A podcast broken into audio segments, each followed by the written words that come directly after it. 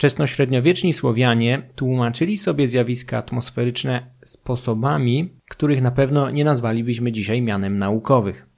Huragany zrywające dachy były wywołane gniewem kapryśnego demona, tak samo jak piorun czy ulewa.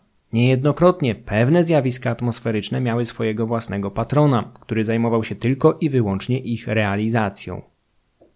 Społeczeństwa starożytne i średniowieczne były niemal w całości złożone z rolników, którzy stanowili ponad 90% całej populacji. Ktoś kiedyś powiedział, że historią ludzkości nazywamy przygody najbogatszego procenta populacji, podczas gdy cała reszta pracowała w polu. Nie trudno jest więc zrozumieć, że dla tych ludzi żyjących bez supermarketów, chłodni, nawozów sztucznych kluczowe znaczenie miało kiedy, w jakiej ilości i gdzie spadnie deszcz. Sam deszcz nie musiał być wcale błogosławieństwem ratującym przed zdradliwą suszą. Co bowiem, gdy przyniósł gradobicie? Dla małej średniowiecznej społeczności mogło to oznaczać głód i depopulację. Dlatego też we wszystkich kulturach rozwinęła się wiara w modlitwy i zaklęcia, które mogły oddalać lub przywoływać upragnione oberwanie chmury. Gwałtowny, chłodny wicher mógł mieć bardziej jednostkowe oddziaływanie, które również starano sobie wytłumaczyć zjawiskami nadprzyrodzonymi. Szczególnie chłopi pracujący nago w polach byli narażeni na zwyczajne przewianie. Ból i paraliż mięśni towarzyszący tej dolegliwości przychodził bardzo szybko i jeszcze w XX wieku tłumaczony był działalnością złośliwego demona, który zaatakował nieszczęśnika pod postacią wiru powietrznego. Aby lepiej zrozumieć wierzenia naszych przodków, musimy wpierw zrozumieć, jak patrzyli oni na niebo, chmury, wiatr, ulewę. Na Słowiańszczyźnie zachowało się wyjątkowo mało śladów po wierzeniach w bóstwa nieba, co nie wyklucza w żadnym wypadku ich istnienia. Wyraźnie daje się jednak zauważyć pewien dualizm w pojmowaniu zjawisk atmosferycznych, szczególnie burzy. Dla współczesnego nam człowieka burza jest często przerażającym zjawiskiem, zwłaszcza jeżeli przyszło mu ją spędzić na dworze. Pochmurne niebo smagane wichrem, rzęsisty deszcz, od czasu do czasu groźny piorun przecinający nieboskłon. Od deszczu można zmoknąć, wiatr może porwać czapkę, a piorun uszkodzić elektronikę bądź trafić w jakiegoś nieszczęśnika. Czy nasz przodek, patrzący w burzowe niebo, widział to samo co my? Widzieć mógł coś podobnego, lecz na pewno inaczej tłumaczył sobie cały ten harmider. Przede wszystkim dla słowiańskiego chłopa burza była personifikacją konfliktu, wielkiej batalii, jaka toczyła się pomiędzy upostaciowionymi siłami przyrody. Wichry niemal zawsze były łączone z istotami demonicznymi, złymi duchami szkodzącymi ludziom. Powszechnie nienawidzono i lękano się silnego wiatru.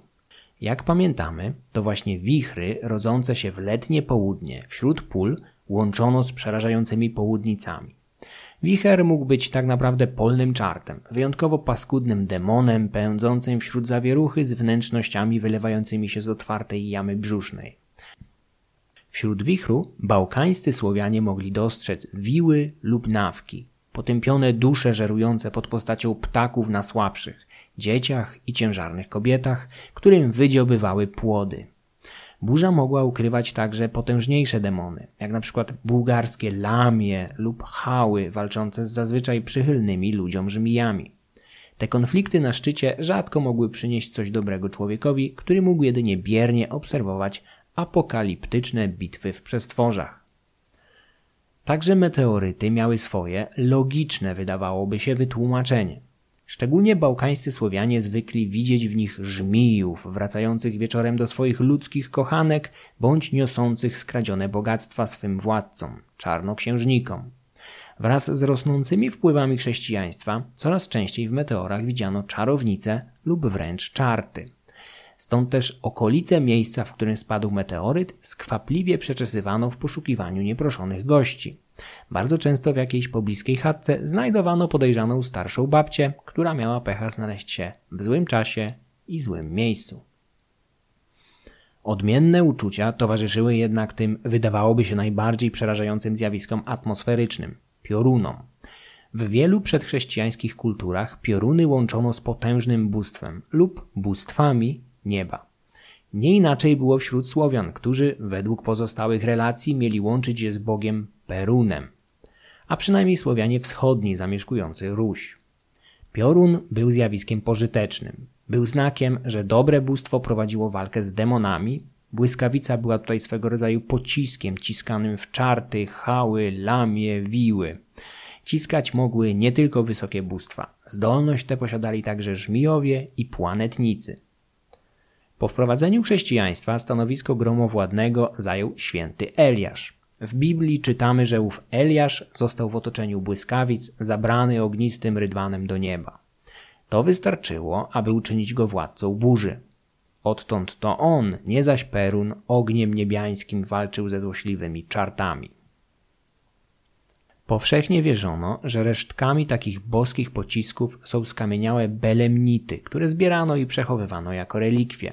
Sama nazwa tego głowonoga wywodzi się z greckiego słowa belemnos, pocisk, strzała. Człowiek mógł oberwać piorunem tylko, jeżeli demon skrył się w jego ciele bądź tuż za nim. Stąd bierze się przesąd zabraniający stawania pod drzewami w czasie burzy. Pod drzewami zwykły się bowiem chować demony lękające się piorunów. Śmierć od pioruna była dla człowieka błogosławieństwem i nikt go nie żałował. Piorun uświęcał ofiarę, dawał gwarancję szczęścia w zaświatach. Wśród chrześcijan uważano, że dusza szła od razu do nieba, podobnie jak dusza zabitego w boju wojownika lub kobiety zmarłej w połogu. Nie można wykluczyć, że jest to pozostałość pierwotniejszych wierzeń. Miejsca po uderzeniu pioruna często stawały się miejscami pielgrzymek. Drzewa trafione przez boski pocisk uznawano z miejsca za święte.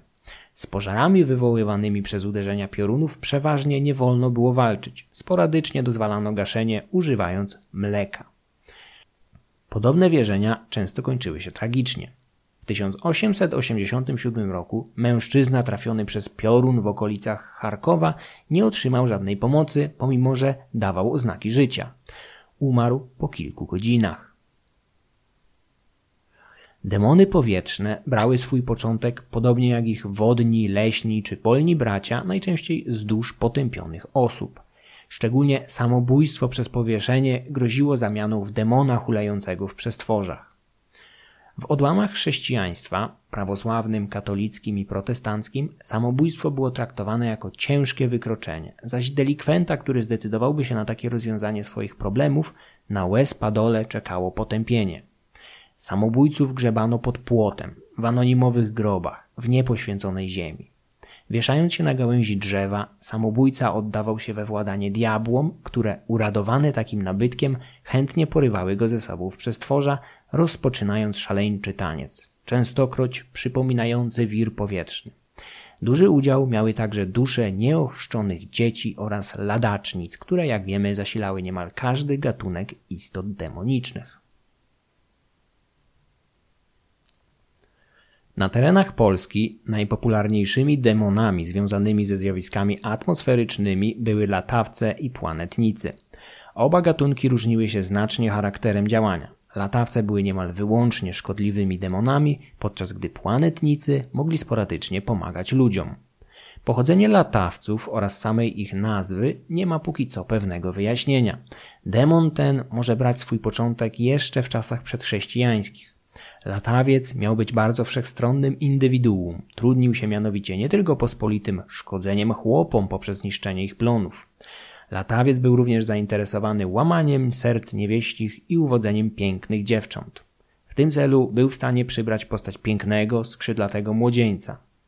Naturalnie po zdobyciu upragnionej dziewczyny demon znikał bez słowa, zostawiając biedaczkę załamaną obrotem spraw.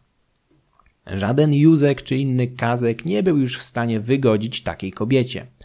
Ciężko cieszyć się pasztetową, gdy jeszcze wczoraj miało się w ustach szynkę parmeńską. Prywatnie zastanawiam się, na ile istota lubieżnego demona miała wpływ na powstanie określenia latawicy, które to przylgnęło w wiejskiej tradycji do dziewcząt chętnie obdarzających losowych mężczyzn przyjaźnią swego łona, czyli po prostu puszczalskich, jak zwykło się mawiać w takich kręgach społecznych. Postać latawca przypomina nieco bałkańskiego żmija, który w ostatnich stuleciach przeszedł ewolucję od wężowatego smoka do demona o ludzkiej postaci. Tyle, że obdarzonego skrzydłami pod pachami. Bałkańscy żmijowie, występujący pod postacią pięknych młodzieńców, równie chętnie płodzili dzieci z młodymi kobietami. Znacznie częściej, bo na terytorium niemal całej Słowiańszczyzny spotykamy tak zwanego planetnika – zwanego czasem także chmurnikiem lub obłocznikiem. Sama nazwa planetnik wywodzi się od planety, więc nie może być określeniem przedchrześcijańskim, a najprędzej późnośredniowiecznym. Planetnik mógł być demonem zatrudnionym pełnoetatowo w niebiańskich obłokach, który żył w chmurach, prowadząc je przed siebie. Mógł być jednak także półdemonem, to jest człowiekiem obdarzonym pewnymi specjalnymi umiejętnościami, które aktywowały się w określonych porach. Pod tym względem nasz planetnik przypominał zmorę żerującą na śpiących ludziach późną nocą. Planetnik zamieszkujący chmury mógł przybrać dowolną postać wahającą się od ciemnoskórego mężczyzny aż po łuskowatego smoka. Nie ma jednorodnej tradycji na temat tej persony. Wynika to po części z olbrzymiej popularności demonów powietrznych. Zależność od pomyślnych opadów uruchamiała wyobraźnię, a ta błyskawicznie zaludniała przestworza różnokształtną menażerią. Wielu chłopów, do których dotarli etnografowie w XIX i XX stuleciu, mówiło, że niejednokrotnie spotykało w polach wysokich, tęgich mężczyzn o srogim obliczu, ciągnących za sobą burzową chmurę na grubej linie. W okolicach Tarnowa żył podobno niegdyś życzliwy ludziom planetnik o graniastej głowie, olbrzymim ciele, czterech kłach i jednym oku na czole. W zamian za żywność chętnie naganiał on chmury miejscowym. Szczęśliwa wioska, w której mieszkał doświadczony planetnik. Mógł on przyzywać chmury w potrzebie lub odganiać te niepotrzebne lub wręcz niebezpieczne. Etyka pracy planetników prawdopodobnie nie różniła się dalece od tej spotykanej wśród ludzi i za pomocą spychologii próbowali oni przepychać problemy, to jest burzowe chmury, do sąsiadów. A nóż nie zauważył. Zdaniem Bohdana Baranowskiego wiara w planetników występujących w ludzkiej postaci była bardzo silna jeszcze w czasach zaborów.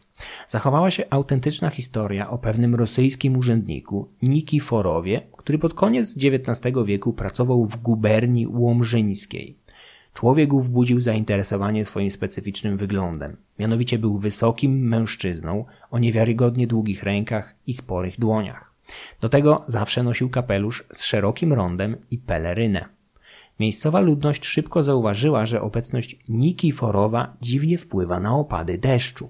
W jednej miejscowości podczas jego delegacji nie spadła ani kropla deszczu. Podczas gdy wszystkie sąsiednie nawiedziły srogie ulewy. Gdy został przeniesiony do innego miasta, sytuacja odwróciła się i deszcze jakoby przyszły za nim. Chłopi mazowieccy wysłali nawet delegację do rosyjskiego gubernatora w Łomży, aby planetnik Nikiforow został przysłany do ich okolicy.